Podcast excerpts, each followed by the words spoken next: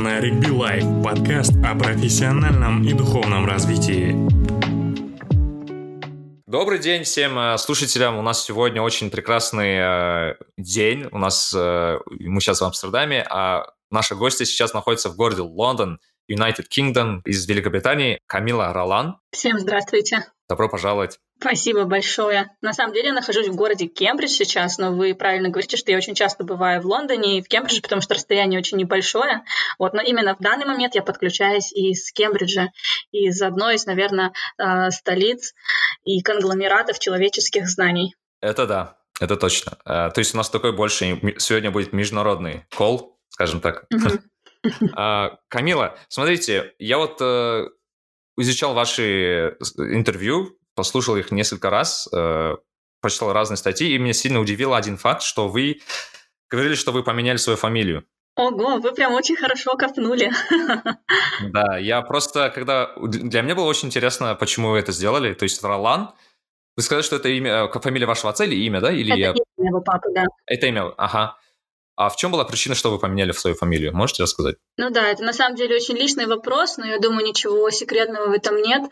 У меня не были очень хорошие отношения с э, родственниками со стороны отца. Мне не очень нравились решения, которые они принимали, и отношения, которые они проявляли к членам моей семьи.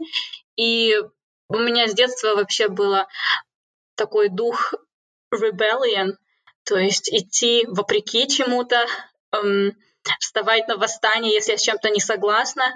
И так как мне не нравилось их отношение, притом родители рассказывают ситуации, где даже с трех лет я уже проявляла эту неприязнь, а я росла с чувством не особой гордости за то, что я носила фамилию а, своей семьи, тех людей, кто мне эту фамилию передал.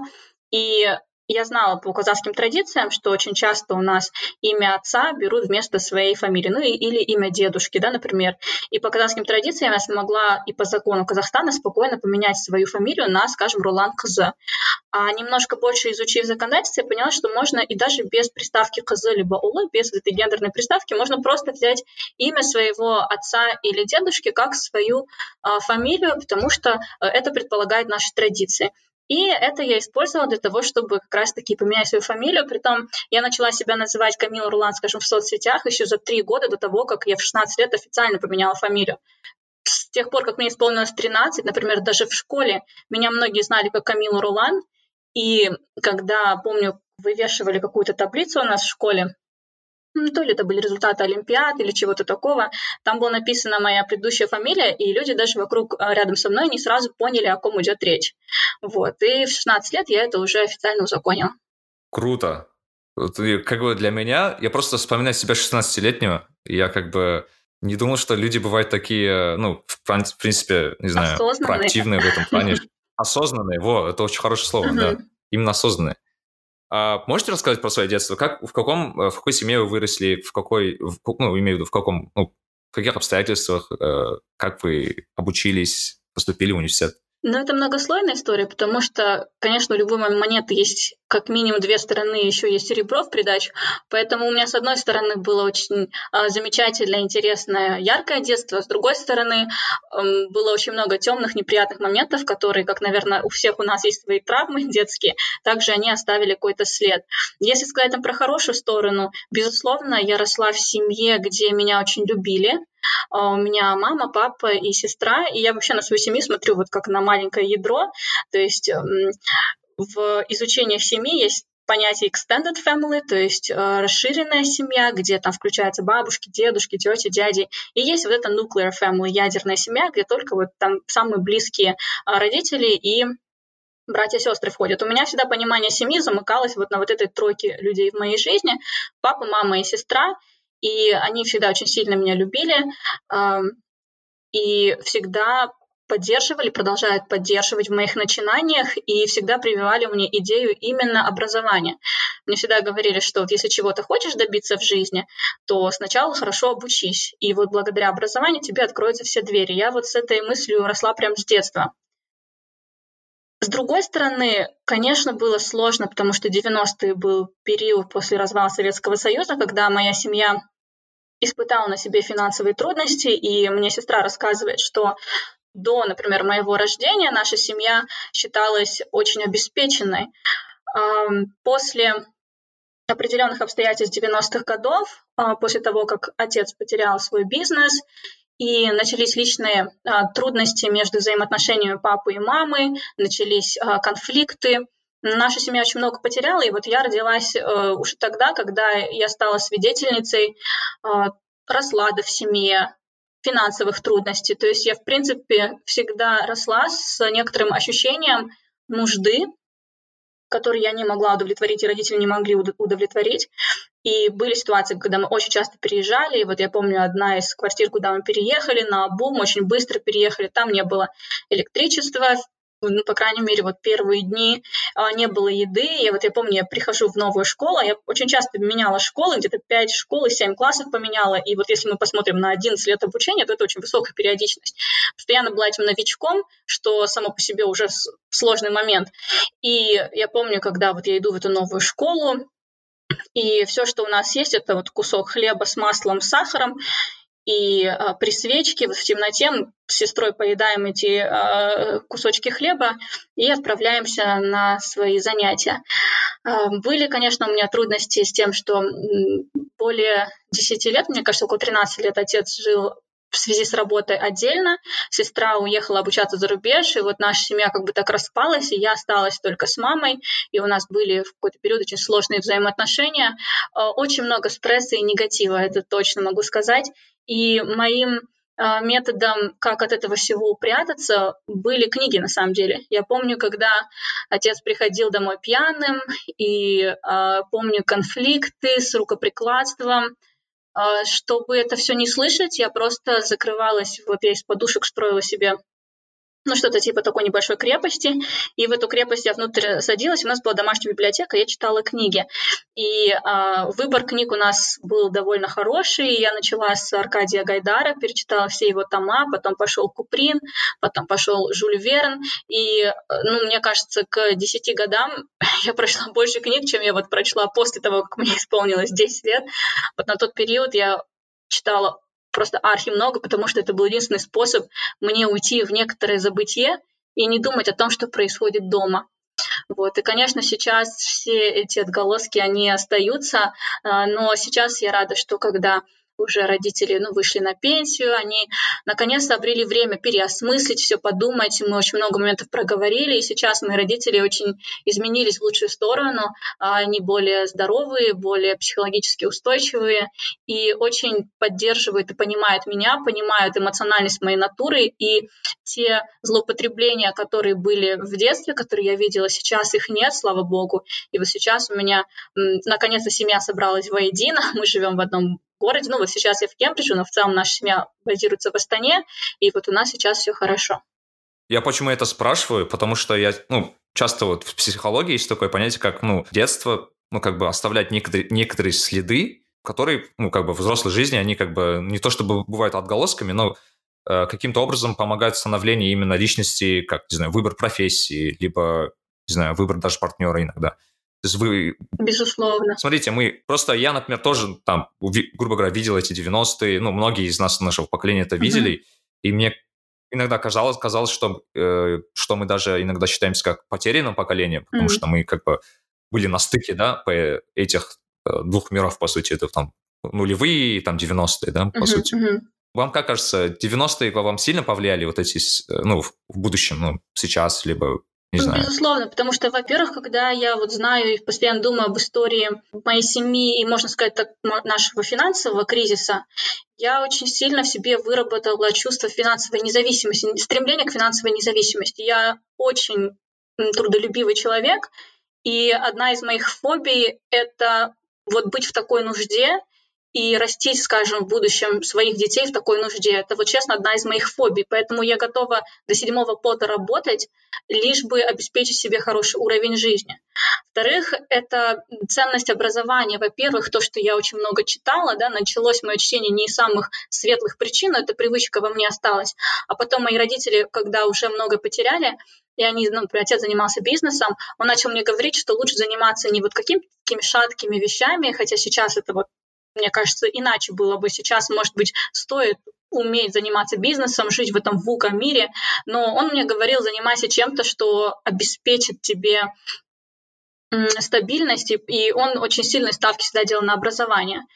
И мне нравится, что меня дома никогда не учили некоторым из культурных ценностей, которым которых учили многим, многих а, девочек, например.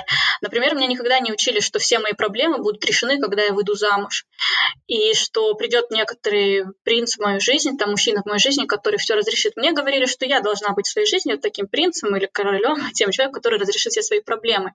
И как вы, например, упомянули, что даже на выборе партнера это сказывается, безусловно. Я, например, чувствую себе очень большое стремление к независимости, и в партнерских отношениях всегда я вижу в первую очередь, я ищу не комфорт, не то, что этот человек мне предоставит все на готовом блюдечке, и там, не знаю, как у нас будет, говорят, там будет дарить айфоны, а я ищу совсем другое. Я ищу интеллектуального э, партнера, который способен к поддержке, особенно эмоциональной, ментальной поддержке. Вот, то есть, э, конечно, такие вещи сильно сказались, и э, несмотря на то, что это были вещи сложные негативные, я думаю, они в моей голове превратились в очень хорошие установки.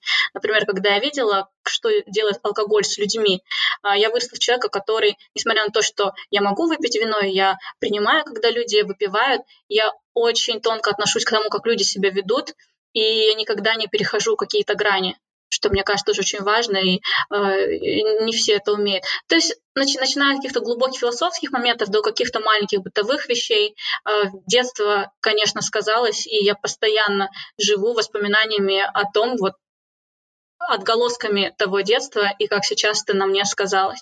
Ну и плюс были, конечно, такие моменты в детстве уже связаны не с семьей, а с окружающим миром, потому что помимо вот маленькой ячейки семья есть еще общество. И в детстве некоторые моменты в обществе на меня сильно повлияли. Например, была пара ситуаций с, ну, можно сказать, с такими эпизодами сексуального насилия, а, эксгибиционизма, и это тоже сказалось, мне кажется, на том, что я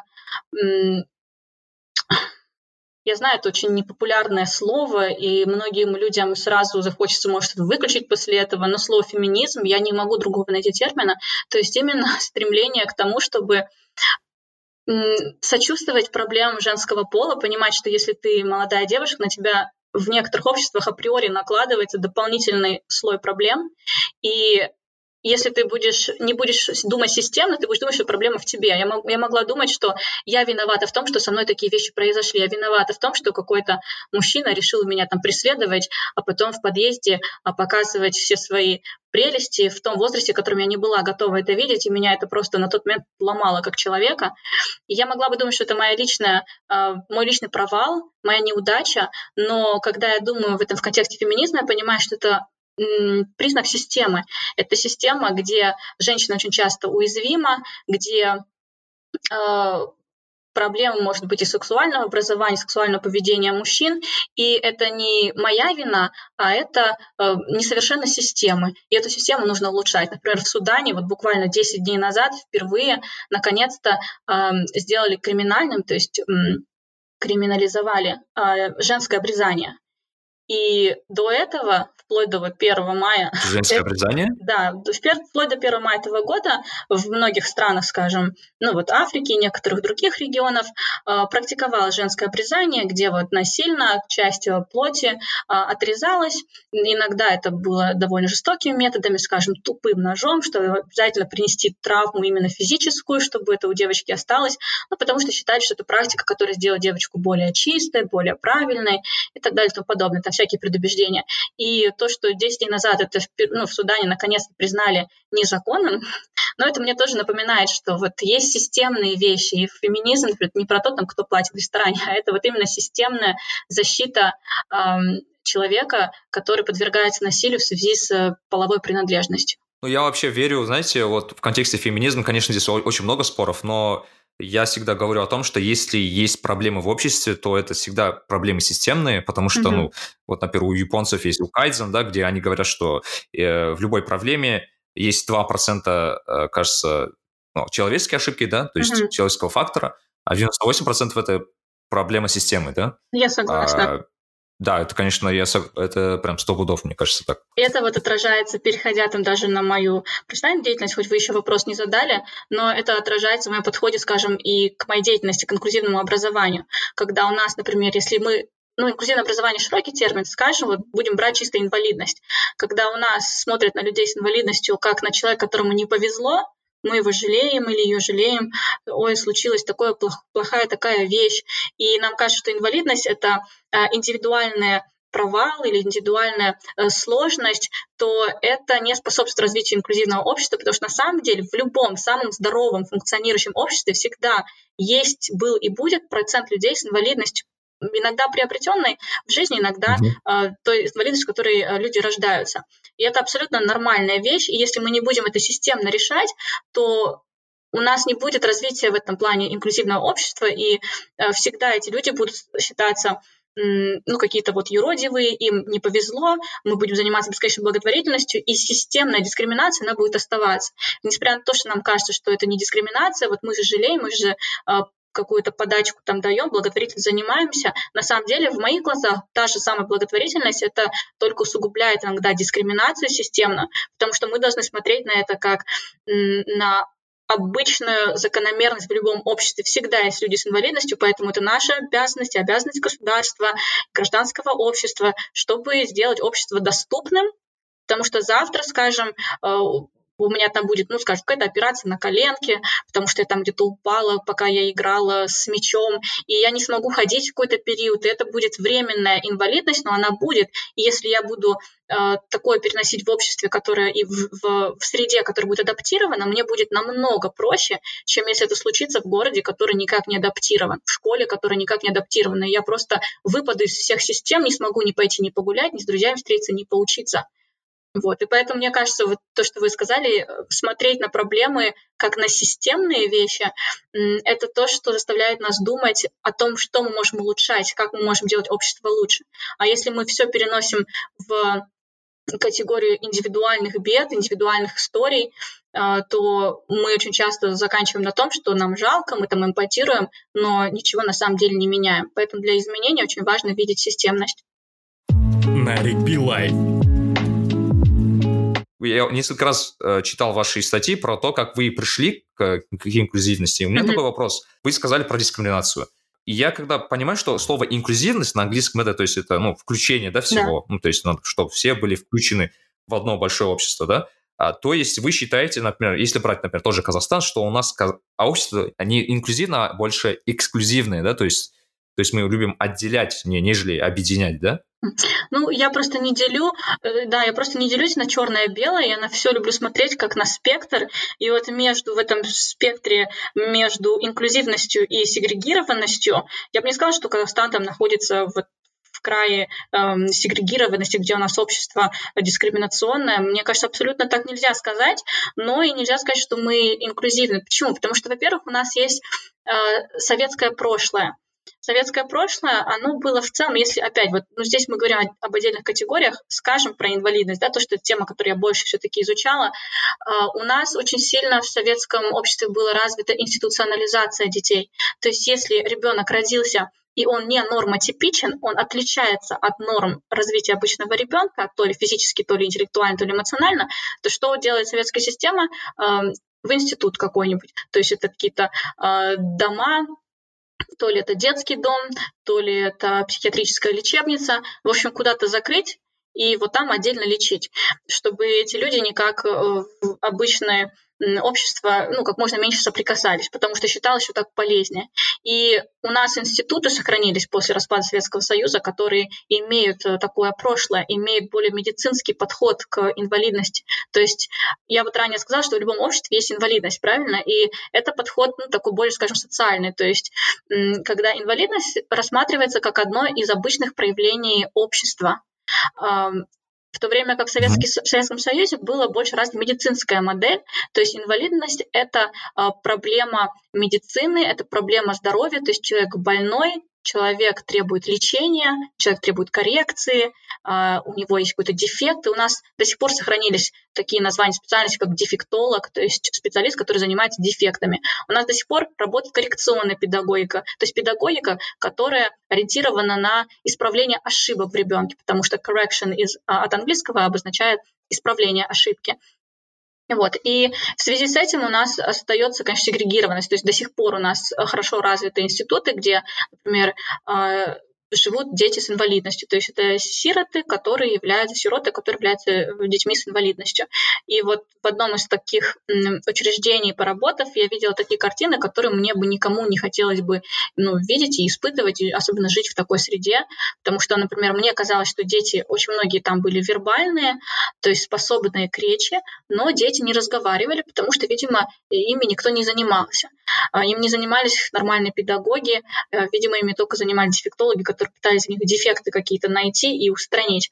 С другой стороны, есть же помимо инвалидности и другие вещи, например, насколько наше общество инклюзивно с точки зрения включения, например, девочек в образование. Здесь можно сказать, что наше общество очень даже инклюзивно. То есть у нас не стоит остро проблема, что девочки в образовании исключаются. У нас не стоит проблема, что дети разных раз исключается. Например, это э, проблема более релевантна контексту США.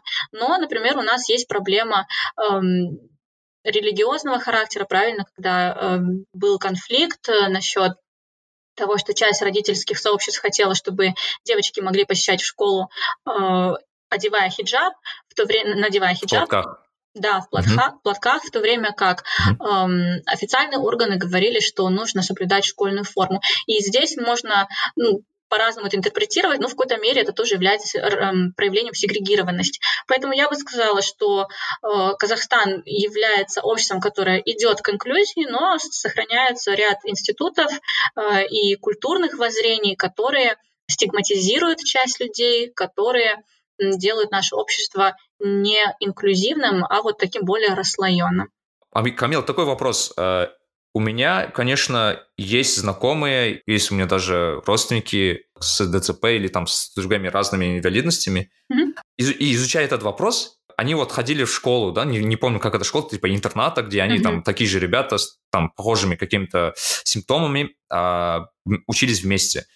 И изучая этот вопрос, я заметил, что а, у, у этих ребят примерно похожий социальный портрет. Имею mm-hmm. в виду, то, что э, большинство из них из небогатой семьи, э, большинство родителей таких, э, такого ребенка являются работниками более таких простых работ. Не то чтобы простых, но такой черный, многие из них чернорабочие, многие работают посменно и так далее. А вот в процессе изучения, да, вот, э, вот этого вопроса, могли бы вы описать примерно социальный портрет семьи, где есть э, э, ребенок с, с инвалидностью?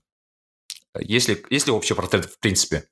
Ну, мне кажется, сложно экстраполировать общий портрет, потому что есть э, большая раскладка.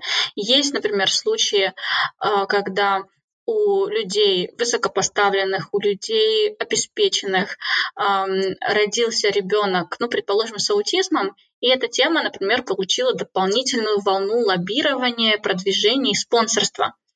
Вот. Ну, конечно, я поименно э, не стала бы говорить, да, кто и как это спонсировал, но можно ну, сказать, что вот есть такие случаи. То есть это не было подано большой огласке, э, и вы это не увидите это в новостях, потому что э эта семья не будет э, на всю страну там просить помощи, как иногда приходится делать людям из малообеспеченного слоя.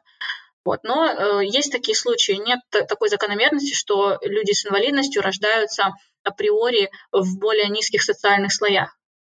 Вот. Эм, но при этом есть очень частая закономерность в том, что семьях, где рождаются люди, дети с э, инвалидностью, очень часто остается только один кормилец, то есть, например, только мама, потому что отец очень часто, я слышу истории, когда отцы уходят из таких семей, потому что они там не справляются со стрессом или думают, что им легче было бы эм, начать новую семью, чем оставаться в этой, потому что это для них кажется э, непосильной вечной обузой.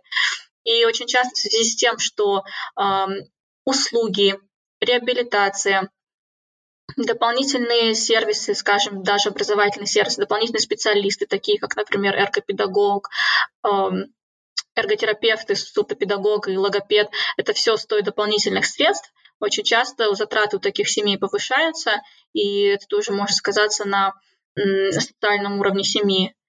Вот. Поэтому я бы не стала говорить, что есть общий портрет, есть большая раскладка, а, но есть некоторые, к сожалению, похожие паттерны а, в том, что очень часто отцы уходят из таких семей, и в том, что семья а, встречается с дополнительными финансовыми трудностями. Очень часто семья также изолируется от общества в некоторой степени, потому что общество само может и ну, развивать какие-то стигмы вокруг этой семьи. Например, у нас даже в новостях можно часто видеть ситуации, когда там мама э, держала своего ребенка с инвалидностью, прикованного к кровати, там, наручниками. От чего все эти истории идут? Потому что люди в общении начинают присваивать вину а, родителям. И очень часто идет вина матери. Например, ой, родился у нее такой ребенок, наверное, потому что она вела неправильный какой-то образ жизни. И вот эта дискриминация, эти, стиг, эти культурные стигмы, они делают дополнительную, дополнительную нагрузку на родителя, очень часто на мать. В связи с этим очень часто а, такие семьи изолируются, теряют каких-то друзей.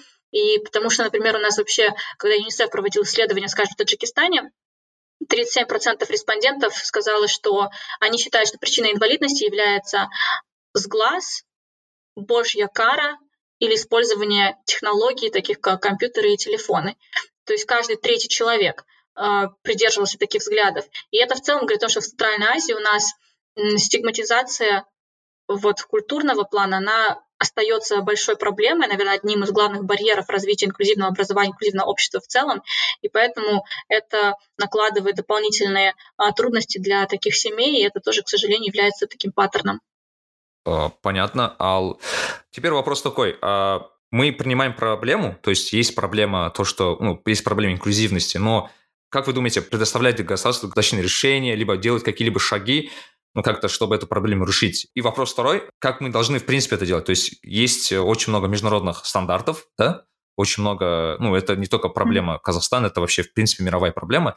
И какие стандарты и из, из этого мы должны были бы взять себя mm-hmm. на вооружение? Ну, я бы сказала, что в целом государство принимает шаги, которые показывают, что государство стремится к развитию инклюзивного образования и инклюзивного общества в целом, начиная с того, что Казахстан ратифицировал необходимые конвенции, Конвенция о правах ребенка Конвенция о правах людей с инвалидностью, в, которым, в которых прописано в том числе право ребенка с особыми потребностями, со статусом инвалидности на образование, ну и право всех детей на образование. Казахстан на всех этих конференциях участвовал, является подписантом, и дополнительные изменения в НПА, то есть в нормативно-правовые акты, страна также внесла. То есть можно посмотреть закон об образовании, там видно, в какие года дополнительные изменения вносились. Например, термин был внесен, что такое инклюзивное образование, были внесены такие пункты, что образование в Казахстане в целом должно строиться на принципах инклюзивности, доступности каждому ребенку, что образовательные программы могут быть адаптированы, а что теперь в Казахстане можно в школах, несмотря на то, что у нас программа образования идет общая, детям можно разрабатывать индивидуальную программу обучения или индивидуальный план обучения, где можно прописать индивидуальные цели, то есть сделать образование менее стандартизированным и более индивидуализированным на потребности и сильные стороны отдельного ребенка. Такие изменения в законе есть. И несмотря на то, что они, может быть, на СНПА несовершенны, эм, постоянно проводятся какие-то круглые столы, конференции, а, работы на совершенствование. И идет кооперация межведомственная среди министерств. И, скажем, Всемирный банк сейчас спонсирует один из проектов по развитию инклюзивного образования в Казахстане. И сейчас даже, например, вот МИОР, Министерство информации и общественного развития, взялось за исследовательский проект по инклюзивному обществу, инклюзивному образованию. То есть я бы сказала, что в целом государство принимает шаги, но ну и, конечно, там можно было бы улучшать, но это все, мне, я уверена, в процессе будет, потому что есть то, что называется political will, да, то есть политическая приверженность этой цели, она есть. Но есть другой момент, что помимо политики есть практика, есть то, что реально происходит в поле, когда учитель заходит в класс, и там это уже не зависит от того, какая у нас там общая политика и что написано в Конституции, потому что здесь э, а, все зависит от учителя. И как учитель будет взаимодействовать со своим классом и с ребенком с особыми потребностями. А также помимо практики есть культура, есть то, во что мы верим, есть э, мифы, которые вокруг нас летают, и если они идут в разрез с политикой, то очень часто выходит так, что по факту ну, эти политические изменения, они не отражаются в реальной жизни. Вот. И если мы будем говорить о каких-то международных эффективных практиках, то ну, есть очень много стратегий. Например, есть стратегия, вот то, что у нас сейчас внедряется, индивидуальный план обучения. А, в целом это международная практика, где у нас система становится менее стандартизированной, потому что если мы всех детей мерим одним измерительным инструментом, то мы очень сильно лимитируем ну, наше воззрение на ребенка. Скажем, мы не будем замерять какие-то таланты, мы все будем одной линейкой мерить, и э, эта стандартизация, она не очень хороша. Мы будем просто говорить, там, ты отличник, ты двоечник, хотя, может быть, этот двоечник, он очень хорош, скажем, в изобразительном искусстве. Почему мы не рассматриваем эти другие аспекты? Вот. И вот эта индивидуализация обучения — это международный тренд во всех развитых странах и во всех демократиях происходящий. У нас тоже вроде начинается. Вот есть, например, практика кейс-менеджмента, когда в школе, например, есть департамент специального или инклюзивного обучения. И все дети, которые получают дополнительные услуги в рамках этой системы, они закреплены за неким кейс-менеджером, который имеет э, отдельные папки с отдельными делами, там это могут электронные папки с отдельными делами детей, и мониторит прогресс, и а, необходимые интервенции а, внедряет. Ну, то, что я сейчас рассказываю, такая американская больше модель, и я хотела бы сказать, что это не везде так, там в Финляндии совсем другие подходы, я вот сейчас более цитирую американские подходы. Есть модель сопреподавания, когда не один учитель в классе, как у нас, например, один учитель, 30 учеников.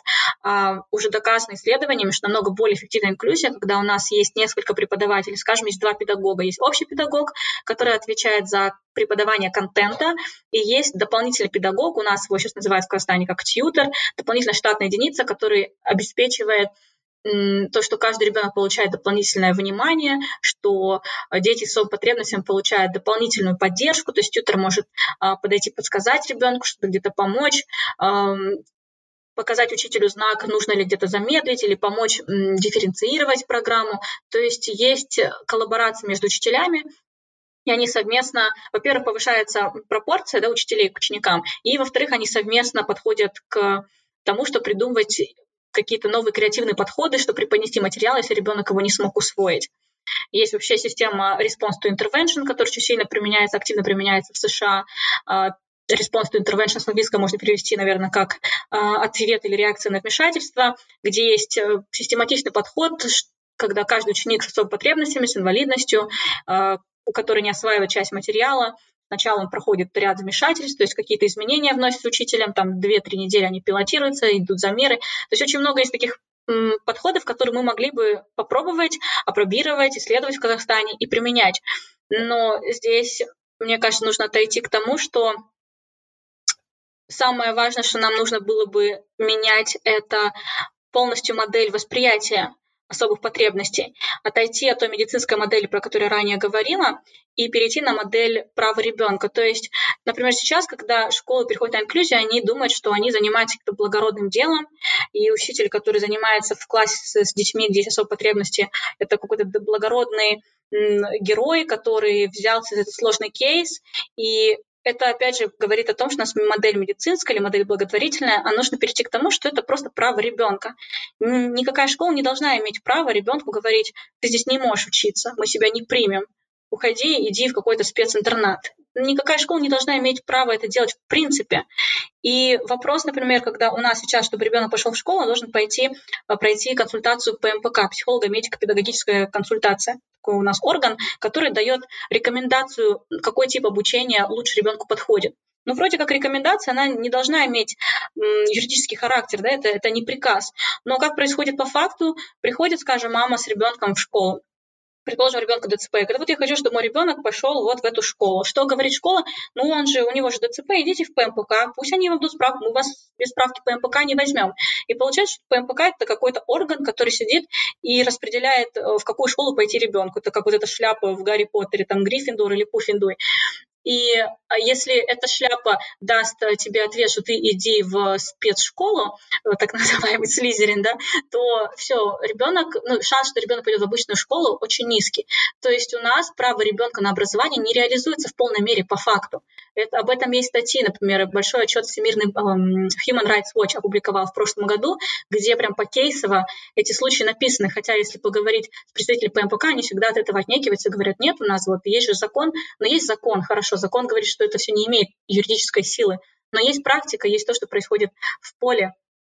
И если мы не будем менять нашу модель воспринятия инвалидности, если мы не поменяем на модель права человека и права ребенка, то все эти международные практики, они вряд ли у нас приживутся. Поэтому я считаю очень важным здесь делать изменения э, культурное и ментальное. Очень справедливо вы указали, что государство на самом деле пытается, но кажется, очень много проблем в самой реализации да, этой mm-hmm. идеи. Ну, это вот это мой взгляд на эту вещь, потому что я сама имела возможность и привилегию с государственными органами а, работать и в исследованиях, и в практических проектах.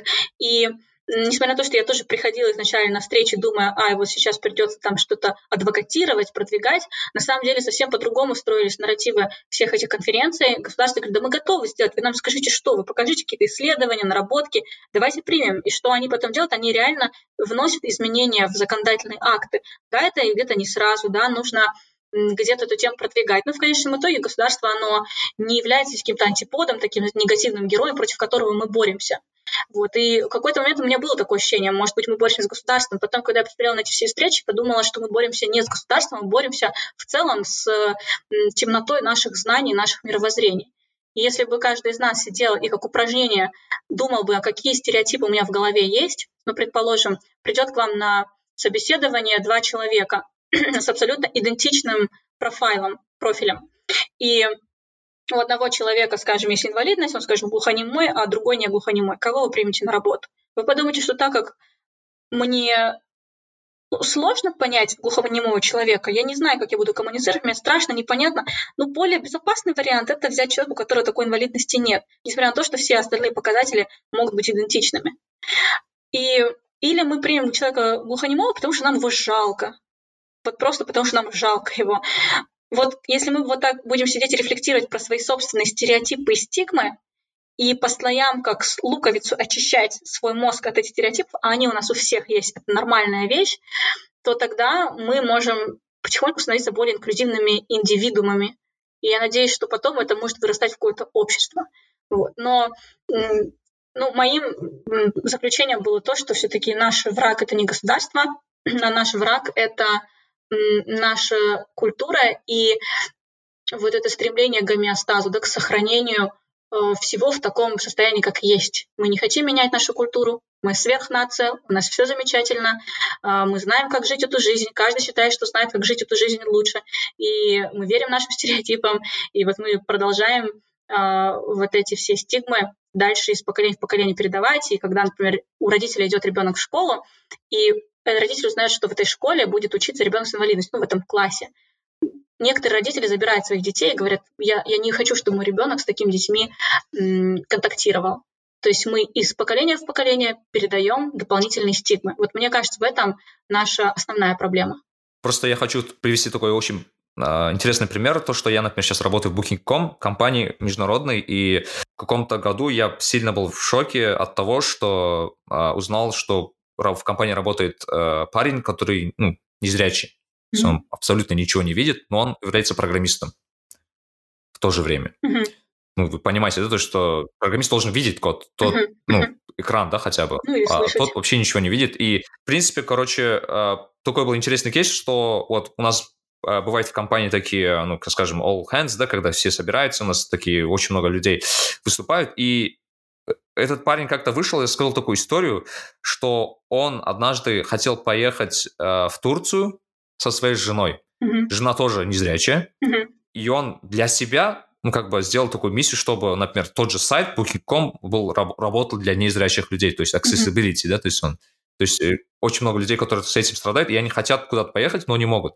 И самое интересное то, что он в какой-то момент это все сделал и говорит, что он поехал в Турцию в итоге, mm-hmm. снял как бы отель, но не видел его. Как бы он не видит же виды, как mm-hmm, бы он да. сидит в отеле, но ему нравится само ощущение, что он чувствует, что он в пятизвездочном отеле, он находится в самом крутом там отеле Турции, mm-hmm. ну и так далее. То есть, хотя он даже это не чувствует, он не может это видеть, в принципе, mm-hmm. да, то есть это вот, вот это как бы пример меня сильно поверг в шок, ну не такой шок, что мир оказывается другой, да, то есть мы его воспринимаем другим, в принципе. И причем этот парень, он работает достаточно э, в хорошей позиции, он там те, ну, руководит командой, он, явля... он сам из Ирана, если я помню.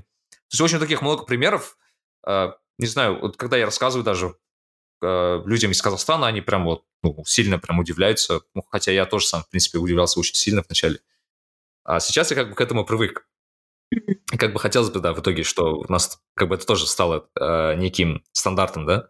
Угу, чтобы это стало нормой. Камил, я бы хотел поговорить про Education for All. Я как понял, это некая школа, да, которая угу. делает, ну, как раз-таки практикует э, инклюзивное образование, где есть э, ребята с обычными, с обычных школ, mm-hmm. ну, с обычными э, кондициями и ребята с инвалидностью, да. Mm-hmm. И э, вопрос был такой, а какой процент э, diversity? То есть, да. имею в виду, вот э, в каком проценте э, людей, ну, как скажем, с инвалидностью и без, будет считаться, что это будет инклюзивное образование. Но ну, имею в виду, если, скажем, 80% будут с инвалидностью и 20% нет, то это не совсем как бы э, инклюзивность, да, считается? Это позитивная дискриминация уже будет.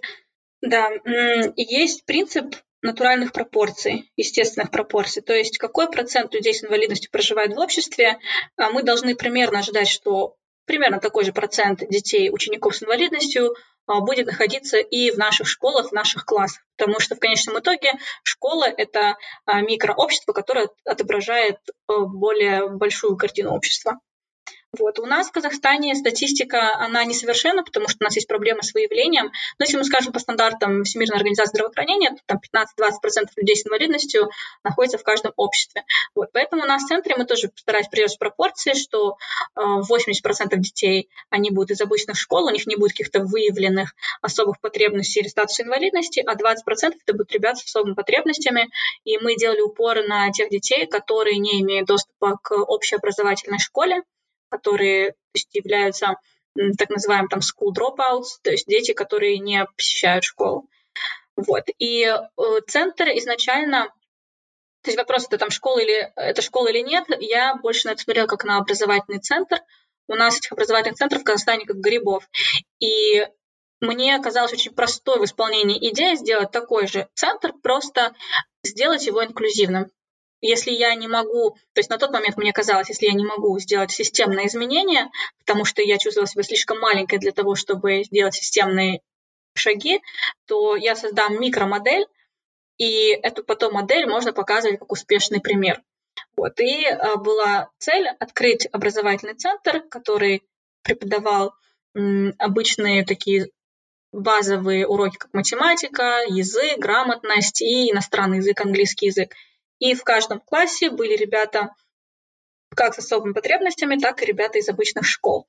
Вот, и а, такую неделю, ой, такую, и такую идею я держала в голове около года, пока я собирала ресурсы, там я говорю о команде, то есть человеческих ресурсах и финансовых ресурсах, вот, и искала помещение. Вот, и когда уже центр запустился, эта идея уже была кристаллизована, поэтому ее было довольно нетрудно исполнить. И мы начали с а, партнером думать о дополнительных проектах, и так родились такие проекты, как инклюзивный театр КИТ и а, программа профориентации, где уже участвовали молодые люди, подростки с инвалидностью, которые, скажем, уже закончили обучение в каких-то своих интернатах, спецшколах, либо на домное обучение, и остались непригодными. То есть на работу их не возьмут, потому что они на рабочем рынке не востребованы. И обучение дальше уже никуда не пойдешь, потому что, чтобы пойти, скажем, на высшее образование, нужно иметь определенную квалификацию, которую эти ребята тоже не имели. Вот, и они остались э, непригодными, и мы решили создать вот эти два проекта, ориентированные на именно эту категорию. Поэтому, если мы говорим о том, что такое Education for All сейчас, это просто конгломерат, можно сказать, разных проектов, потому что у нас есть разные а, другие организации, партнеры, которые занимаются, есть очень много волонтеров. И есть три направления у этого конгломерата партнеров. Это образование, как академическое образование, это профориентация и это инклюзивный театр и творчество. Смотрите, и вы ну, находитесь в Кембридже, а, ну, курсы идут, ну, в Казахстане, да, имею в виду, ну, не курсы, вот, uh-huh. имею в виду занятия. Education for All, да? То есть занятия, да, имею в виду, вы просто по, сейчас, получается, кто этим занимается? Имеется вы, вы, ну, как бы не входите в операционную деятельность, да, сейчас, получается? Да, извне, у меня, у меня остается не, небольшой список задач, так как юридически мы зарегистрированы как общественное объединение, и я являюсь председателем правления общественного объединения, и у меня находятся, скажем, банковские ключи, то когда нужно, ну, предположим, оплатить ком-услуги, оплатить зарплаты сотрудникам, это делаю я. Но сейчас вот в плане операционной деятельности и даже идей этим больше занимаются э, вот моя партнер Сабина, с которой мы вместе начинали проекты, и команда, которую э, мы собрали в, ну, за последние там, два с половиной года. Есть общество, фонд «Молодые сердца», во главе с девушкой Юлией, и вот они, получается, уже дальше продолжают деятельность, и я не не сильно включаясь, например, даже в процесс принятия решений. Мне кажется, естественный процесс. Я была как идейный вдохновитель, человек, который искал ресурсы и пытался положить начало. И это даже хорошо, и это очень здоровая модель, что сейчас это дальше продолжает жить в некоторой мере без меня. А, само естественным образом развивается, потому что есть уже команда, люди, волонтеры, которым не все равно, которые, которые генерируют свежие новые идеи, и они продолжают это все, эту деятельность э, вести дальше. Вот. И в какой-то период, когда я особенно приехала в Кембридж, вот первые месяцы, у меня было ощущение, ну, знаете, ребенка, который вырос и ушел, ощущение утраты, пустоты, потому что очень много сил и эмоций и времени я потратила на то, чтобы этот проект начать. И когда сейчас ты чувствуешь себя там не очень нужным, а, ну, какой-то был период такого личного профессионального кризиса. Вот, но э, я понимала, что это естественное и правильное развитие вещей, и вообще, мне кажется, человек на одном месте слишком долго сидеть в принципе не должен, чтобы куда-то развиваться и идти дальше. Вот, и поэтому я постаралась это отпустить ситуацию, посмотреть на это здраво. И вот сейчас я занимаюсь а, некоторыми другими проектами, вещами. Вот. Ну, я, конечно, продолжаю с любовью наблюдать за э, судьбой нашего центра и оплачивать э, ком-услуги в срок. Э, ком-услуги – это очень важно, да? Конечно. Да. Такой вопрос э, да, про финансы.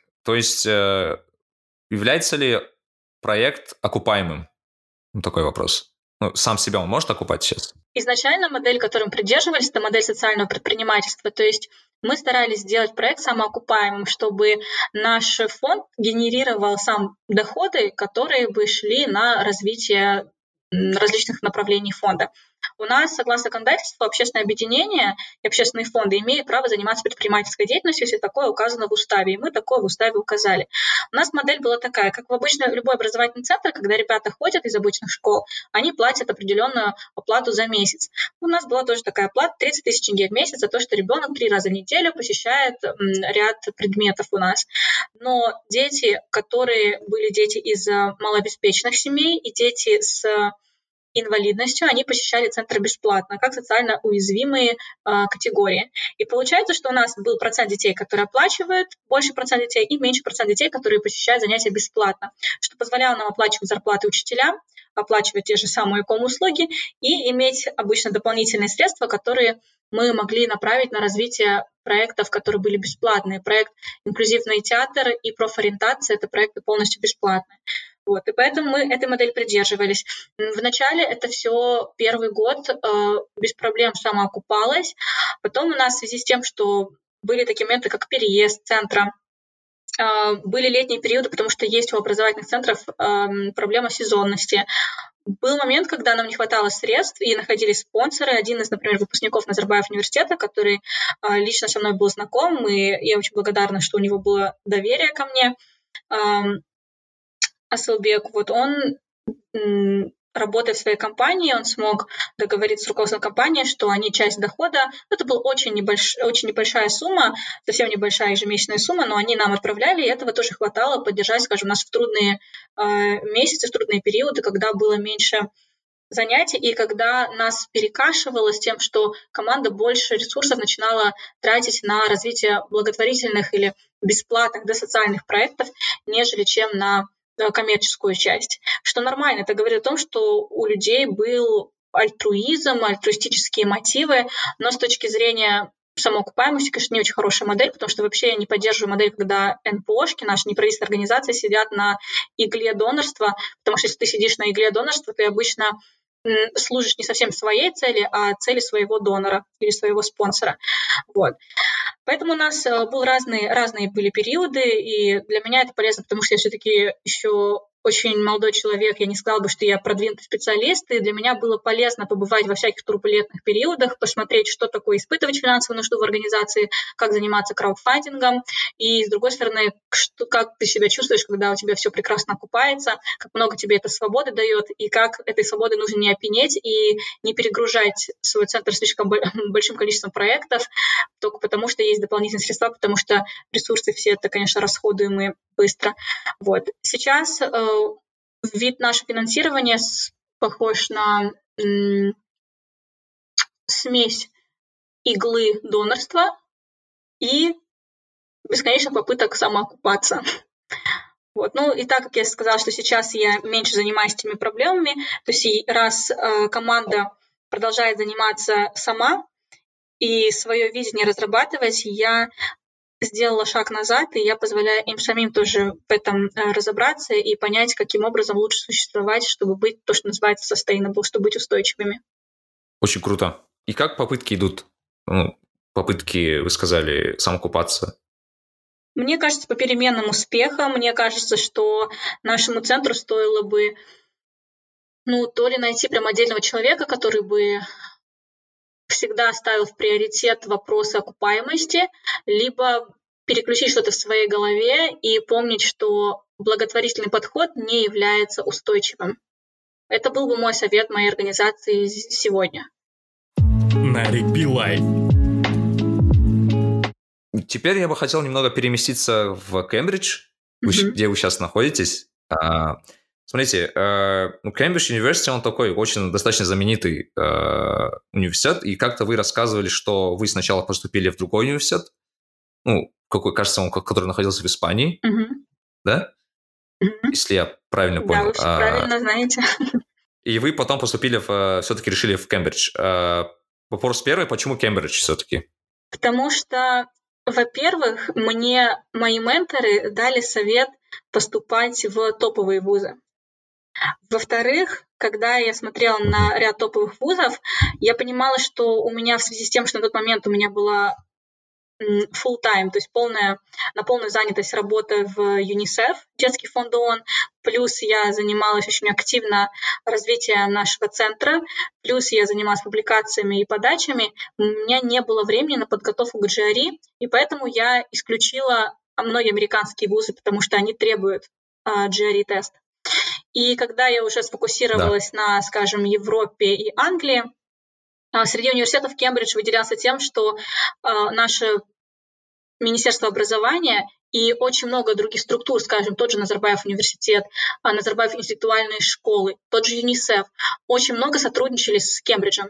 В Кембридже есть прям много специалистов, особенно на факультете образования, которыми являются специалистами по Казахстану. И мне не приходилось бы им объяснять, что такое Казахстан и что мы не а, Буратстан. Эти люди прекрасно знали основных игроков в нашей образовательной политике, они знали основные трансформации. Это были те люди, которые писали обновленную программу образования, являлись консультантами в развитии этого проекта. И эти же люди являлись консультантами в развитии профессиональной переподготовки учителей и даже развития инклюзивного образования и системы кейс-менеджмента, потому что вот в ЮНИСЕФ как раз они и были нашим партнером. Поэтому так как этот uh-huh. университет имеет эм, тесную связь с э, системой образования в Казахстане в целом, мне показалось, что было бы логично идти туда и искать супервайзера именно там. Вот. И я не ошиблась выбором, потому что моя супервайзер Элейн, ее очень много людей из сферы образования в Казахстане, знают лично, имеют с ней хорошие отношения, что тоже мне помогает и в исследовании, и в нетворкинге, и в, даже в том, насколько мне комфортно с ней общаться. Она прекрасно понимает мой бэкграунд, кто я, что я. У меня нет никакой скажем, потребности культурно ассимилироваться, как-то адаптироваться к ней, потому что здесь прекрасно э, понимает, что такое Казахстан. А какая у вас профессия в PhD? Я правильно понял, что это PhD, да, именно? Да, это PhD in Education, то есть докторантура в сфере образования. А, далее делений нет внутри этого, ну, согласно, скажем, номенклатуре, да, то есть название само идет PhD in Education, докторантура, э, докторская степень в образовании. Моя тема исследования — это Моя тема исследования — это развитие инклюзивного образования в Центральноазиатском регионе. То есть я смотрю на то, как политика инклюзивного образования развивается в Центральной Азии и особенно каким образом неправительственный сектор, гражданский активизм влияют на развитие этой политики. То есть, с одной стороны, политика, она же может идти сверху вниз, когда правительство приходит и говорит, вот у нас сегодня, там, предположим, а, режим ЧП, карантин, все сидят дома. Политика сверху вниз пришла, люди пассивно ее потребляют, должны слушаться.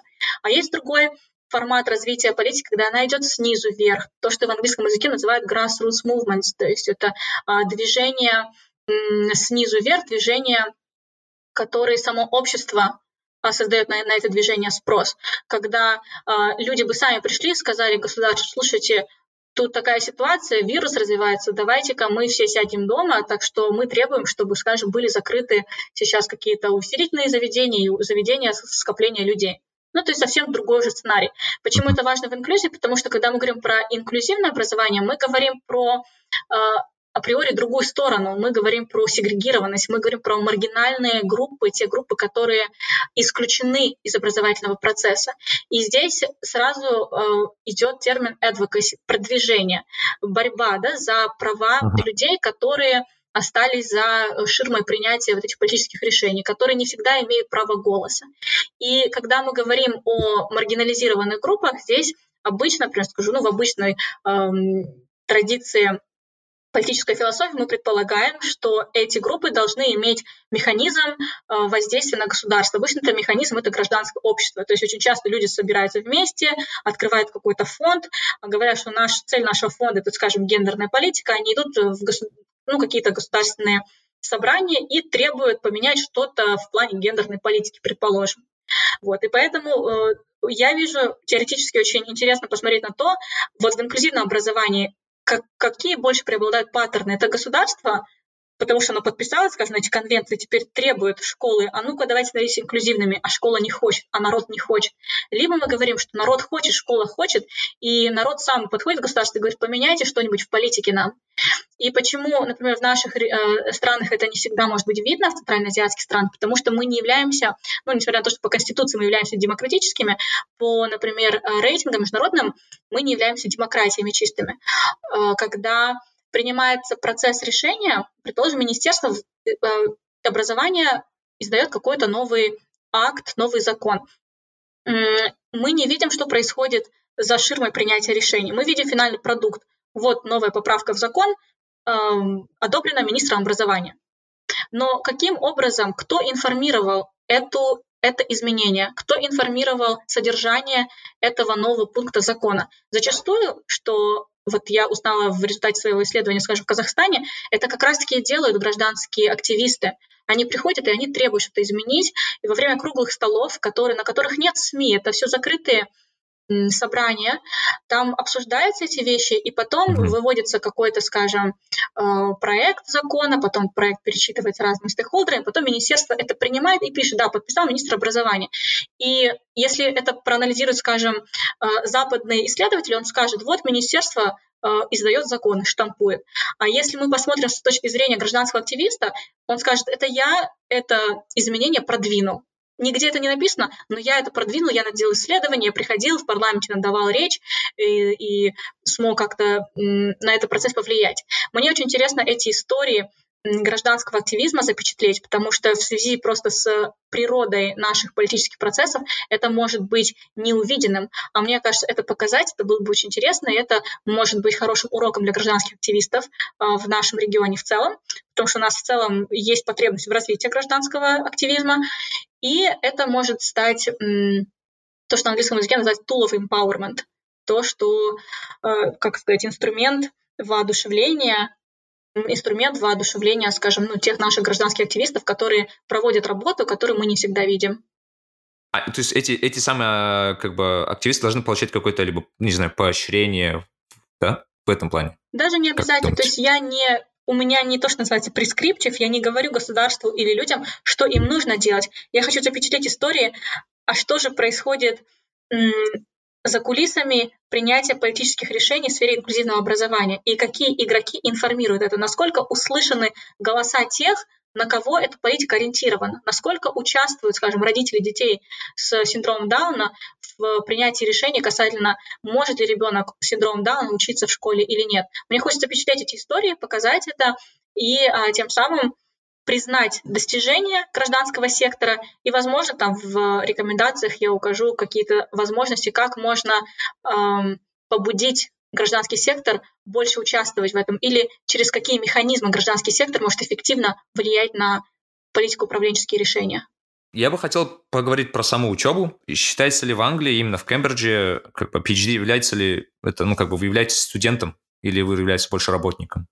Есть разница между тем, ты PhD-студент, либо ты PhD-работник. Но, скажем, даже начиная с таких базовых вещей, как финансирование, ты получаешь зарплату, либо тебе нужно оплачивать обучение. Вот в Кембридже и в Оксфорде система такая, что если ты PhD, то ты PhD-студент.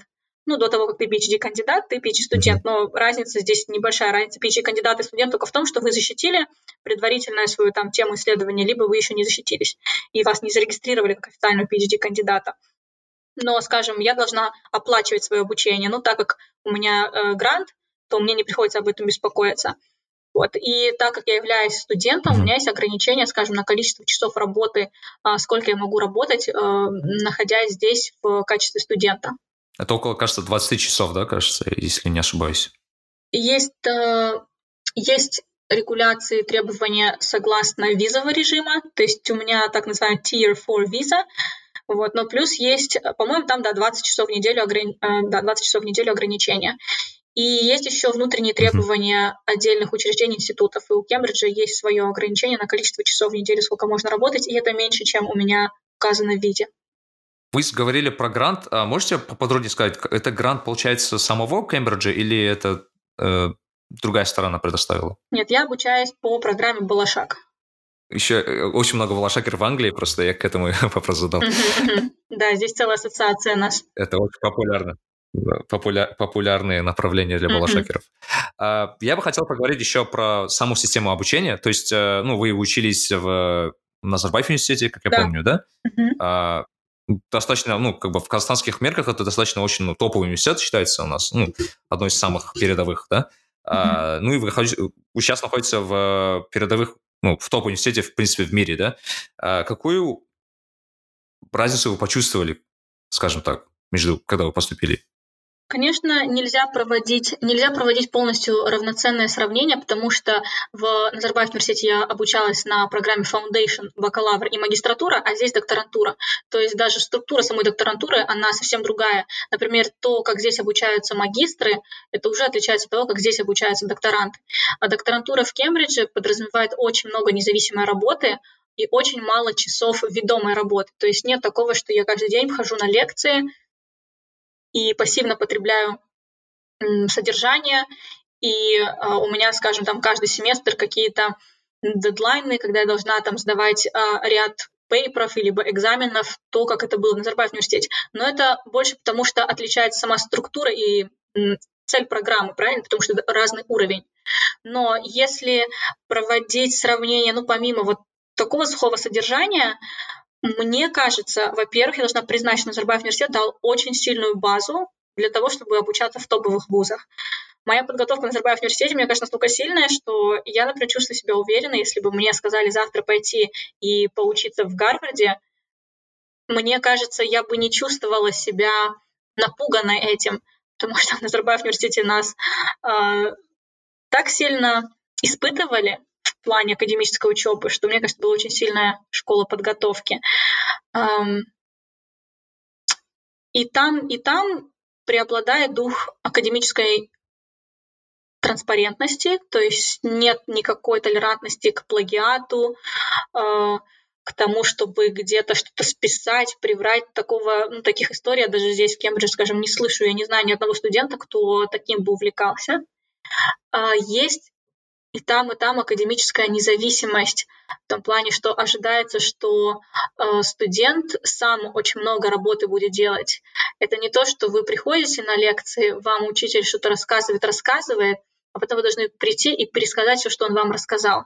Это вот эта модель пересказывания, она, например, ну, в нашем школьном образовании преобладала. Лично у меня, например, я училась в обычных школах, обычных гимназиях, когда была школьницей до 11 класса, и никогда мне не давалась возможность независимого высказывания собственного мнения.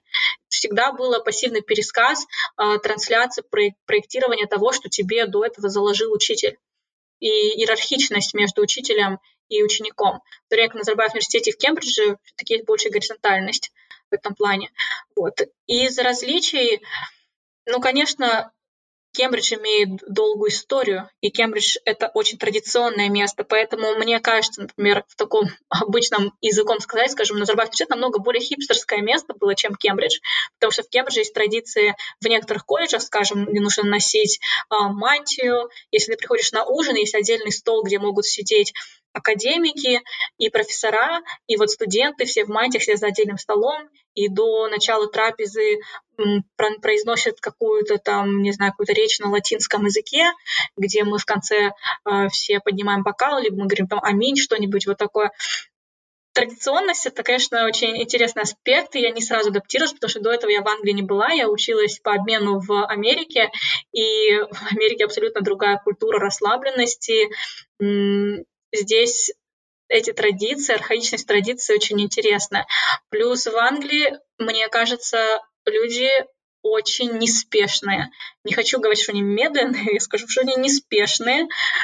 Поэтому, например, ожидать, что очень быстро кто-то твою проблему решит, как это бывает в Казахстане, как это было в Назарбаев университете, когда мне, скажем, срочно нужна была какая-то справка, я могла пойти в офис регистрара и довольно быстро ее получить. Здесь нужно все делать заблаговременно, и поэтому эм, то, что я могла себе позволить на Назарбаев университете, например, иногда это приступить к работе в последний момент, да, и прокрастинация. Здесь прокрастинация вещь крайне сложная, потому что если ты не будешь все делать заранее, то ты никогда не успеешь получить, скажем, обратный отзыв от преподавателя. Если ты заранее не попросишь у банка справку, то тебе банк эту справку может готовить три недели, и ты будешь три недели в подвешенном состоянии. В этом плане есть некоторая неспешность Англии и Кембриджа, которая, я не знаю, она меня радует или смущает, но это для меня новая среда. Вот, поэтому мне, честно, нравится и там, и там. И, конечно, то, что здесь э, в Кембридже каждый второй или каждый третий твой собеседник — это без пяти минут академик, композитор или в любом случае какой-то человек, который в своей сфере очень преуспел, ты постоянно чувствуешь себя испытываемым, и тебе постоянно хочется расти, потому что все люди ну, в первый год, особенно проживания здесь, мне кажется, все люди выше тебя, все люди умнее, интереснее, знают темы глубже, и это среда, которая тебя заставляет постоянно стремиться быть лучше и лучше и лучше. На Зарбазе университете тоже такое было, но а, все-таки сохранялись, ну, может быть, то, что мы были бакалаврами, скажем, и магистрами сохранялись какие-то такие вещи, как, ну, что какие-то, знаете, школьные иерархии. Там были какие-то ребята, которые, может, их социальная жизнь была более богата, они были социально более интересные. Не каждый человек стремился стать специалистом в своей сфере. Вот. Несмотря на то, что все равно это было сборище одних, наверное, самых умных и ярких ребят в Казахстане, а, и очень сильно у меня там пришел скачок развития. Когда я пришла в Кембридж, я почувствовала заново потребность опять скакать, развиваться, потому что надо дорасти до уровня своих собеседников здесь. Вплоть до того доходят забавные ситуации. Я могу посидеть в библиотеке и пойти в библиотеке есть кафетерий, перекусить здесь, и ко мне подходит какой-то пожилой человек, мы садимся, и здесь в Англии очень развита культура small talk, то есть небольшой такой разговор, где вы обмениваетесь любезностями, спрашиваете про погоду, и как у вас дела, и какие-то дополнительные вещи в этом small talk могут выйти.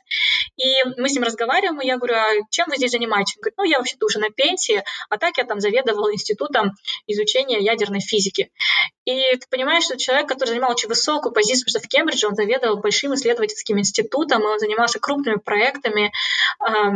И ну, вот это ощущение величественности места величественности в плане знаний и академичности — это то, что, а, то, что на английском языке говорится «challenge you». It challenges, it challenges me every single day to become better.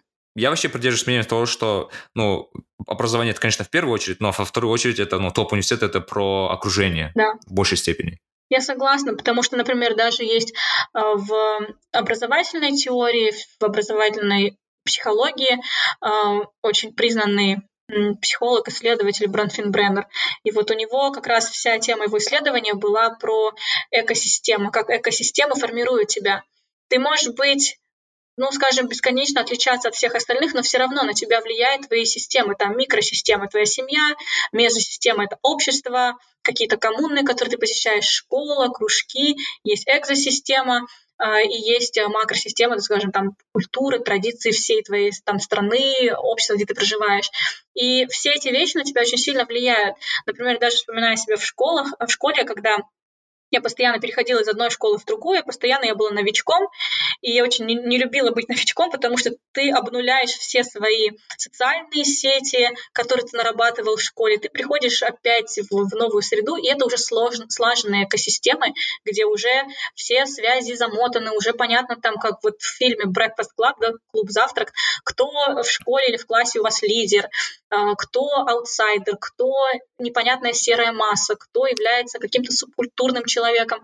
И каким бы вот я человек... нетворкинг, как да, говорится, да, каким бы ты человеком не был, скажем, мне казалось, что я как человек не менялась, но в каждой школе у меня была новая социальная роль, потому что эти а, экосистемы, они определяли мою социальную роль. А, эта среда определяла, какие а, качества котируются, какие даже шутки котируются. Скажем, в одной школе самыми крутыми ребятами считались отличники, и так я была тоже отличницей, я была вот в топе, и то, как у нас там в ну, в природе это назвали бы там альфа-самка. А потом ты приходишь в другую школу, где, как мне сказала там одна э, из моих одноклассниц, э, отличницей быть не модно. Я говорю, хорошо, а кем модно быть? Модно быть троечницей. И вот все там крутые девочки, они были троечницы. И, скажем, мальчики хотели дружить с этими девочками, которые троечницы, и другие девочки тянулись к этим троечницам.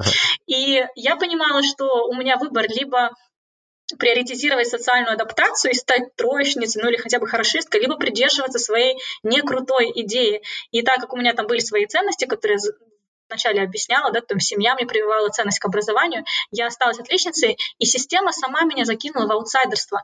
Я могла бы сказать ту же шутку, которую сказала популярная девочка, но над моей шуткой бы не посмеялись, а над ее шуткой посмеялись. Мы можем носить одну и ту же одежду, но вот над ее одеждой не посмеются, а надо мной посмеялись и сказали, что я похожа на бомжа.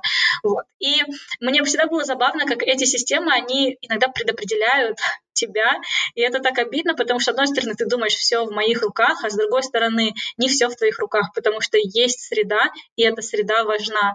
Вот. И для меня изучение инклюзивного образования тоже мотивировано и этими историями, потому что мне хочется создавать такую среду, скажем, в школах, да, такую культуру, где признавали бы а, различия учеников, уникальность каждого ученика и где минимизировался бы буллинг, а, то есть какая-то травля учеников по отношению друг к другу и вот эта иерархичность, как в этих популярных э, фильмах типа Breakfast Club.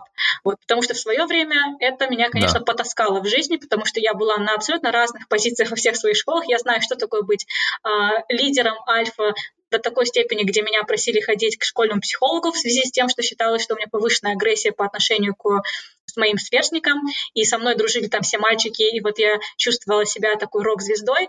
И тут же меня бросает через три месяца, когда я после летнего отпуска э, каникул иду в новую школу, меня бросает в аутсайдерство, где в конце дня меня девочки заводят за гараж и угрожают, что мы тебя сейчас так побьем, что тебя мама родная не узнает. И а, какие-то ребята, которые даже хотели бы с тобой дружить, они не дружат, потому что они знают, что тогда они потеряют свои социальные поинты, бонусы, и поэтому они дружат, дружат с тобой втихаря, когда никто не видит, вот, а когда ты там в классе, то ты просто ходишь такой один, вот, и, ну, конечно, это забавно о том, как сильно среда влияет, и я рада, что сейчас я в среде, где ценности мои совпадают с ценностью общества, и так, что общество преуспело в этих ценностях выше, то есть в, своей академической, в своих академических достижениях люди в среднем выше меня здесь, и это каждый день меня мотивирует становиться лучше. Классно. Прям это, это тоже про меня на самом деле. Я тоже менял очень много школ. И это, я, я, я это прошел, я это знаю, что это такое. Причем я проходил разные школы. Я я просто хочу быстро рассказать, я, я был из, я человек, который приходил из балетной школы в физмат. Ого. Так что я, я в принципе, ну, это, это прям понимаю. сильно раскидало из балетной в физмат. Вы живете сейчас в UK, United Kingdom, такой очень интересная страна, на самом деле. И как вам, в принципе, живется там? Ну, имею в виду, какие у вас впечатления, в принципе, от этой страны? По-моему, сейчас начался мой седьмой месяц здесь или восьмой месяц, и я бы не сказала, что я очень хорошо изучила здесь все, чтобы прийти к какому-то выводу. Э, то, что я сказала ранее, есть ну, некоторые культурные различия, те, которые, те различия, которые мне нравятся, например, что это, конечно, более либеральная страна, где ты можешь быть э, совсем отличаться от других людей, и вот это diversity, да, то есть разнообразие людей, оно в большей мере принимается, чем принималось, скажем, ну, в Казахстане, когда я была, где ну, я часто, мне приходилось встречаться с какими-то стереотипами в мою сторону обращенных, ну, даже, скажем, в обычной, там, в личной жизни, да когда ты там выйдешь замуж. Вопрос, который я в Казахстане слышу каждый второй день, здесь я не слышала ни разу за вот 8 месяцев, как я здесь нахожусь. С другой стороны, есть различия, которые мне не очень нравятся, например, что система очень медленная и неповоротливая. Даже какие-то мелкие вещи, например, интернет-банкинг. Я вчера буквально оплачивала э, заказ, маме заказала корзину с цветами, с фруктами, просто хотела что-то приятное сделать. И очень удобный был сервис, что через Каспи в пару кликов я смогла все оплатить, э, потому что вот в Каспи приложении да, были уже забиты в систему э, разные получатели э, средств там, со своими реквизитами, уже все это забито. В то время как здесь... Там очень меня... удобно, да. Очень удобный интерфейс, и интуитивно все понятно, и очень легко а, транзакции проводятся. А здесь у меня карта HSBC банка, и вот есть мобильный банк, это же приложение, и я захожу, и оно настолько непонятное, и, например, чтобы посмотреть последнюю транзакцию, ты не можешь ее просто посмотреть в приложении, и даже в личном кабинете в своем, если ты через компьютер зайдешь, тебе нужно запросить у менеджера, чтобы тебе принесли распечатку, ну, отправили распечатку последней транзакции, и ее вплоть до двух недель, может быть, в связи с тем, что сейчас коронавирус, там и пандемия, это дольше занимает, но в течение двух недель я получала справку о одной своей транзакции, которая у нас в приложении, там, ты ее моментально можешь получить. И вот это такая замшелость и неповоротливость, она меня смущает, и я пару раз здесь это обсуждала с британцами, они говорят, что, ну, зато, когда вот мы неспешно, мы так все проверяем, у нас более все прозрачно, у нас меньше есть вероятность коррупции или каких-то эм, махинаций, но в то же время есть ситуации, когда у кого-то, скажем, с банковского счета снялись э, деньги, то есть какие-то мошенники сняли, и эту ситуацию так и не смогли разрешить. Uh-huh. Поэтому я бы не сказала, что здесь Великобритания, она прям такая Великая Британия, очень все равно остается большой ряд проблем. Проблемы в Казахстане свои, в Англии свои, и я бы не сказала, что где-то жить лучше, а где-то хуже. Это просто э, разные, э, разные списки проблем. Но и у тех, и у тех стран, у той и той страны есть свои проблемы, свои трудности и свои прелести. Э, мне, например, лично здесь нравится климат, я очень люблю дожди, и я очень люблю такой мягкий климат, потому что погода, в принципе, сильно не скачет, как у нас в Казахстане. А с другой стороны, мне иногда не хватает того чувства пространство, которое есть в Казахстане. У нас так много земли, а здесь все вот в маленьких своих домиках кучкуются. И, конечно, в этом плане я все еще да. в переходном периоде. Но могу одно сказать, нет такого, что я приехала сюда и подумала, о да, я уехала из Казахстана, а здесь так прекрасно. И нет такого, что я приехала сюда и говорю, ой, как, как здесь все плохо, хочу обратно в Казахстан. Я отношусь так, что в каждом месте человек может быть в принципе счастливым, каждом месяце человек может быть полезным, и надо искать те источники своей полезности и, своей, и своего счастья, э, находясь в каком-то месте. То есть делай то, что ты можешь там, где ты есть, с теми ресурсами, которые, которыми ты владеешь. Это да. А, ну, достаточно консервативное государство, как я понимаю, Англия, ну, во многих сферах, а, чем остальные страны. А, такой, такой вот вопрос, э, Камила, смотрите, вы сейчас на Балашаке, mm-hmm. э, и я вот часто этот вопрос задаю именно балашакерам. Есть такая проблема в том, что многие балашакеры учатся, получают очень классное образование в очень классных вузах, э, но им нужно от- отрабатывать, я mm-hmm. не помню, это, кажется, 5 лет. Да. Ну, там есть различные требования от 2 до 5 лет в зависимости от места отработки. Да, я помню, если там в регионах это там два года, то uh-huh. в городе то это пять лет. Но, в принципе, я очень часто вижу такие кейсы, когда один парень, например, не знаю, учится в там очень крутом топовом вузе, получает хорошие оценки, и его вызывает какая-то топ-компания, а тот не может, ну, в силу причин того, что ему нужно отрабатывать в Казахстане, uh-huh. э, или там, не знаю, там родные и так далее, но человек хочет остаться, то есть он хочет поработать. И я вот часто, например, тот же Багдад Мусин про это говорил, то, что, например, болшакерам, по сути, нужно разрешить оставаться на тех местах, где они обучились, mm-hmm. именно по своей, например, хотя бы по своей специальности, да, потому что э, многие, например, те же специалисты, например, которые обучились в очень специфичных профессиях, ну, не могут найти потом это образование, ну, применение к этому образованию mm-hmm. на самом деле-то. Потому что, ну, многие, ну, у нас нет таких, по сути, сфер иногда mm-hmm. даже. Вот, э, согласны ли вы с этим мнением, то, что, по сути, нужно разрешать это, э, то есть оставаться? Ну, насколько я знаю, Балашак, э, то есть ЦМП предполагает возможность отсрочки своей отработки, если у тебя приходит интересный job-оффер, то есть хорошее предложение поработать, то тебе, в принципе, могут дать отсрочку. Но при этом требование к тому, что все равно через какое-то время даже ты должен вернуться отработать, оно остается. Согласны с этим или нет, Честно, я об этом много не задумывалась, потому что у меня есть понимание, что есть вещи, на которые я могу влиять, на которые я хочу влиять, а есть вещи, которые правила игры.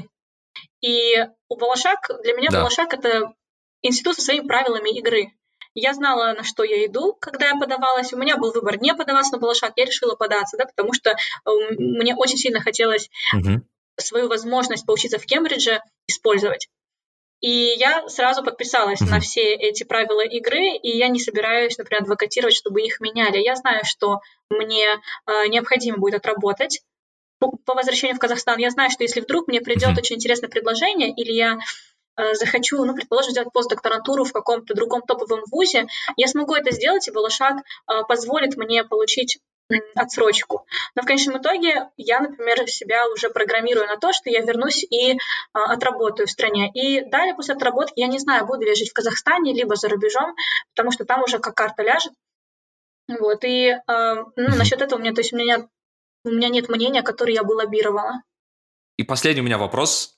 Он на самом деле такой более философский, более такой, э, некоторые скажут, такой э, не совсем интересный, но что для вас является патриотизм? Что вы понимаете под патриотизм? Когда я думаю о нации, я всегда помню, что нация — это социальный конструкт. То есть нации — это не то, что существует в природе само по себе, как, например, существуют бабочки и гусеницы. Нацию придумали люди, чтобы легче управлять процессами.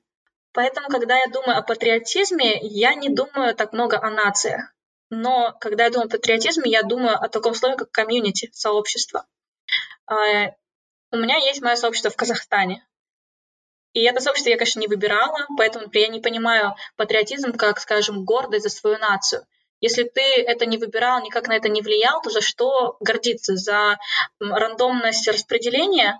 Ну, мне кажется, этим гордиться странно. Но у меня есть благодарность за свой, к своему сообществу, то есть моим близким людям, моим друзьям, моему университету, моим менторам в Казахстане, а, важным для меня людям, родным, которые вкладывались в мое развитие, которые дали мне ресурсы для того, чтобы я была сейчас здесь. И у меня есть желание вернуть своему сообществу что-то обратно. То есть то, что в английском языке называется giving back to the community. И для меня патриотизм — это giving back to the community. Патриотизм — это желание эм, внести в свое общество что-то, чтобы сделать его лучше. Не обязательно на уровне всей нации, потому что я не чувствую, что меня очень много всего объединило бы с каким-нибудь рандомным человеком, какой-нибудь рандомный серик из Атырау. Но что меня общество с сериком из Атырау, и почему я должна думать, что я должна о нем заботиться, и я хочу ради него что-то менять в стране? Ну, у меня, честно, у меня такого чувства нет. Но у меня есть желание вернуться и, скажем, своему университету, своему городу э, что-то внести и улучшить, улучшить жизни людей – которых я коснулась, которые коснулись меня, чтобы я чувствовала, что я не паразитарно прожила свою жизнь, взяв ресурсы у этого сообщества и потом ушла туда, где мне жить лучше и комфортнее. А я заимствовала какие-то ресурсы, чтобы прийти обратно, когда я стала сама более ресурсной, и что я могла что-то вернуть, что-то хорошее, позитивное сделать, и сделать это общество, это сообщество лучшим, чем каким я из него вышла. То есть постоянно совершенствовать как себя, так и свое сообщество, откуда ты пришел. Вот для меня в этом плане патриотизм. И э, я уважаю патриотизм в этом плане. Но есть те виды патриотизма, которые я не уважаю. Как, например, у людей, например, то, с чего я начала, здесь было бы интересно этим и закончить, на феминизм. Есть очень много разных проявлений. И есть те проявления, которые, скажем, я считаю безумно важными, просто очень важными для любого функционирующего общества. И есть те проявления, которые для меня второстепенные, которые мне не важны, может, даже которые я не уважаю. То же самое с патриотизмом. Это спектральный такой термин. И вот в моем понимании, как giving back to the community, я считаю это важно, это замечательно, и мне хотелось, чтобы у всех людей было такое желание, чтобы они стремились к тому, чтобы не быть паразитами, а быть благодарными и стремиться улучшать жизни людей вокруг себя. Ну, у меня еще один вопрос появился здесь Давайте. теперь, э, после этого. А что является альтруи... альтруизмом? Что вы понимаете под альтруизмом? ну, я сначала пытаюсь подумать, не что я понимаю, что вообще обычно понимается под альтруизмом, что есть дефиниция там согласно словарю. Это безвозмездная помощь, безвозмездная помощь, где ты не преследуешь целей личного обогащения и получения личных выгод, а ты делаешь что-то стопроцентно, ну, как сервис, да, как служба. Но для меня лично альтруизм стал дорогой, чтобы понять лучше себя и чтобы найти свою сферу. А, то, что я пришла к сфере инклюзивного образования, это результат того, что я практиковала альтруизм. Я практиковала безвозмездную помощь и поддержку людям, которым, которых я даже не знала, я не должна была помогать. Но я приходила бесплатно преподавала, а, скажем, детям с инвалидностью на дому, просто потому что мне хотелось сделать что-то безвозмездно. И некоторые из этих историй, например, я не освещала, не рассказывала. Есть такая, например, такое мнение у некоторых людей. У меня нет очень много хейтеров, но, видимо, есть такая парочка людей, которые мне периодически а, раз в год пишут что-нибудь негативное. И я знаю, что у этих людей есть такое мнение, что в моей деятельности есть степень позерства, да, когда ты делаешь что-то на показ, а, чтобы себе выиграть, скажем, ну, какие-то социальные бонусы, чтобы имидж свой построить. Но я знаю, что если я буду искренна с собой, есть вещи, о которых я, например, не говорила на общественность, но я их делала, потому что это, это было проявление альтруизма. И сквозь это я понимала лучше, где мои ценности, и это стало ну, тем, что потом помогло мне выбрать свой профессиональный путь. Поэтому для меня альтруизм стал важным инструментом самопознания, а, понимания себя. Ну, знаете, просто, как бы сказать, я верю, что у каждого человека есть темная сторона, я верю, что у каждого человека есть внутри какие-то черти, и иногда нужно в них копаться. Ну, те же там грехи, да, по Данте, ну, скажем, например, тщеславие. Иногда я сижу и угу. В этом копаюсь себе, потому что я чувствую, что если я не покопаюсь, то я не буду искренне собой, и а, от этого я буду более плохим человеком. И через альтруизм я копалась, ну, копала в себе какие-то вещи, пыталась лучше понять себя, и для меня это стало дорогой к самопознанию, к просвещению и к тому, что я, мне кажется, обрела очень много уверенности в себе, потому что я смогла, а, как я говорила ранее, как лук да, себя разобрать, а, по слоям, когда я была в этой в этом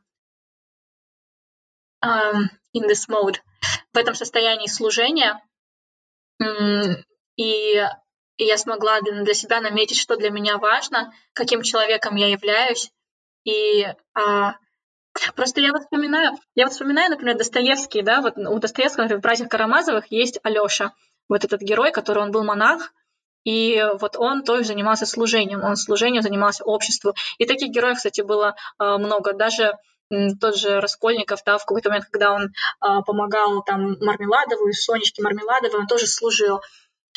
Хотя он, например, не был, как Алёша, э, человеком безгреховным, он как раз-таки наоборот, он там убил только что бабушку, да.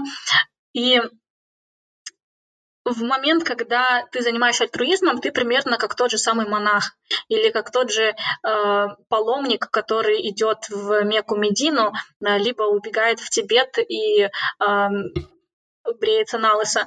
Это момент духовный. И, например, я не проповедую никаких религий, я не практикую никаких религий. Для меня альтруизм стал такой вот дорожкой просвещения, без потребности читать священнописание, без потребности э, отдаваться каким-то ритуалам, просто взяв идею, идея, которая на самом деле, на самом деле является коренной идеей для всех религий и вот таких идеологий эм, духовных, это идея служения. Когда я сама занималась альтруизмом, занималась служением через свою в основном благотворительную деятельность, я смогла где-то очистить себя, потому что я разобрала в себе какие-то свои скелеты в своем шкафу, себе какие-то негативные свои вещи. Я смогла понять, где начинается мое желание делать мир лучше и заканчивается мое тщеславие, а, где лежат мои стереотипы и где я чувствую по отношению к людям осуждение и отвращение, а где я чувствую принятие и желание помогать. Вот я, наверное, сейчас говорю каким-то непонятным философским концепциям, просто когда я говорю, у меня прям ну, в голове четкие картины из моих различных опытов, где, когда я волонтерила, где кого я видела и где вот у меня такие внутренние дебаты начинались. И благодаря вот этому пути служению, мне кажется, я смогла стать более духовным человеком, не более религиозным человеком, потому что это просто не мое. Я вот, ну, я рождена и выросла так, что я ни, никогда не приму, думаю, никакую религию. Мне эта система абсолютно чужда. Но я, безусловно, смогла стать более духовным, осознанным, э, добрым и светлым человеком благодаря альтруизму. И мне кажется, это инструмент, который каждый должен попробовать, чтобы а, стать лучше. Потому что если ты станешь лучше, только тогда ты сможешь приносить позитивные изменения и быть тем же самым патриотом, да, служить обществу, либо развивать какие-то социальные проекты. Но пока ты в себе не разобрался и пока ты остаешься э, маленьким низменным человеком, который, у которого нет четкой системы ценностей, то ты потерян, и твои шаги, то, что называется на английском языке, you can do wrong things for the right reason. Вот. И чтобы не делать uh-huh. неправильных вещей, потому что у тебя правильные мотивы, надо хорошенько покопаться в себе, разработать такие кристаллизированные мотивы, которые могут вырасти только тогда, когда ты прошел через сложный опыт, через опыт полной самоотдачи. И вот для меня альтруизм — это такая самоотдача, это духовное путешествие. Перед тем, как я готовился к этому интервью, я просто, изучая ваши интервью, ну, которые вы делали до этого. Mm-hmm. Я просто понимал, что я читаю только, знаете, интервью очень альтруистического человека. Mm-hmm. Это было такое ощущение. То есть, э, ну, не знаю, у меня только такой social label, да, такой появился. Значит, этот человек такой альтруистичный. Мне было очень интересно услышать вас. Uh, не знаю, я, я, я, очень много для себя понял. Камила, очень большое спасибо. У меня закончились вопросы, было очень интересно. Мы не знаем, сколько уже сидим. Я прям очень э, кайфую здесь. Э, и как, какие, какое пожелание вы бы сказали бы напоследок слушателям от себя в этот очень непростой период, как, например, коронавирус или вообще в принципе? Ну вот мне часто этот вопрос задают, и я всегда отвечаю то, что я вообще человек, который не любит давать советов, а, я очень не люблю совать свой нос в чужие дела. И мне кажется, ну, каждый человек знает лучше, что в какой момент ему нужно пожелать. Кому-то нужно пожелать быть более смелым, а кому-то нужно пожелать поумерить свои амбиции. Вот. И если подумать о чем-то универсальном, то то, что я ранее сказала, я могу лишь повторить. Например, ну, особенно говоря про свою деятельность, да, инклюзивное общество, инклюзивное образование, надо работать со своими стереотипами, со своими воззрениями. То есть нужно, я желаю каждому человеку копаться в себе и выискивать в себе свои стереотипы и то, о чем я только недавно говорила, говоря об альтруизме, свои скелеты в своем шкафу и темные стороны, и а, стремиться через рефлексию становиться лучшей версией себя. Это я могу пожелать каждому, потому что там вы уже сами поймете, что именно вам нужно пожелать. То ли вам нужно пожелать расслабиться по жизни, то ли напрячься, потому что у каждого индивидуальная своя история. Я могу лишь только посоветовать каждому э, порефлексировать, глубоко задуматься, глубоко в себя копнуть э, и иметь всегда главной для себя целью — это приумножать благо. Что бы вы ни делали, как бы вы в себе ни копались, это должно быть не разрушительное копание, а что-то, что идет вам во благо. И если вы работаете, это тоже должно быть что-то, что идет во благо обществу. Так что копайте себе, становитесь лучшей версией себя, не приносите никому вреда, все делайте во благо, и все остальное, дай бог, вам приложится. Да, э, большое спасибо, мне очень понравилось, думаю, вам тоже. Э, желаю вам всяческих успехов, успехов. Очень желаю вам, чтобы вы получили, достигли того, что вы целитесь, куда вы целитесь, что вы хотите, чтобы инклюзивное образование было у нас э, в стране очень круто развитое, в том числе благодаря вам. Большое вам спасибо, Нарикби, за интересный подкаст, за то, что э, испытывали меня сложными, глубокими вопросами, потому что бывают интервью, которые такие шаблоны интервью, где одно и то же спрашивают, и я просто повторяюсь, я повторяю, и я не вижу смысла зачем, потому что можно было бы копипастить из какого-то другого интервью. А есть такие редкие моменты, когда подкаст превращается в глубокий самоанализ и э, напряжение каждой мозговой извилины. В какой-то момент я прям почувствовала, как у меня такой пот поступил на лбу, потому что я задумалась. И это именно то общение, которое э, которым очень можно дорожить. Поэтому я очень дорожу тем, что с вами познакомилась, пусть даже так, онлайн, через подкаст. Вот, я буду очень дорожить нашим знакомством и желаю вам успехов с вашими начинаниями, с вашим подкастом. И всем вашим слушателям я желаю тоже успехов, всего самого хорошего и здоровья, сил в этот э, интересный период. И надеюсь, что когда они это будут слушать интервью, период коронавируса уже останется в прошлом, и останется только надежда на более хорошее завершение этого года. Все. Большое спасибо всем, пока. Делитесь в социальных сетях, слушайте наш подкаст. Спасибо, до свидания.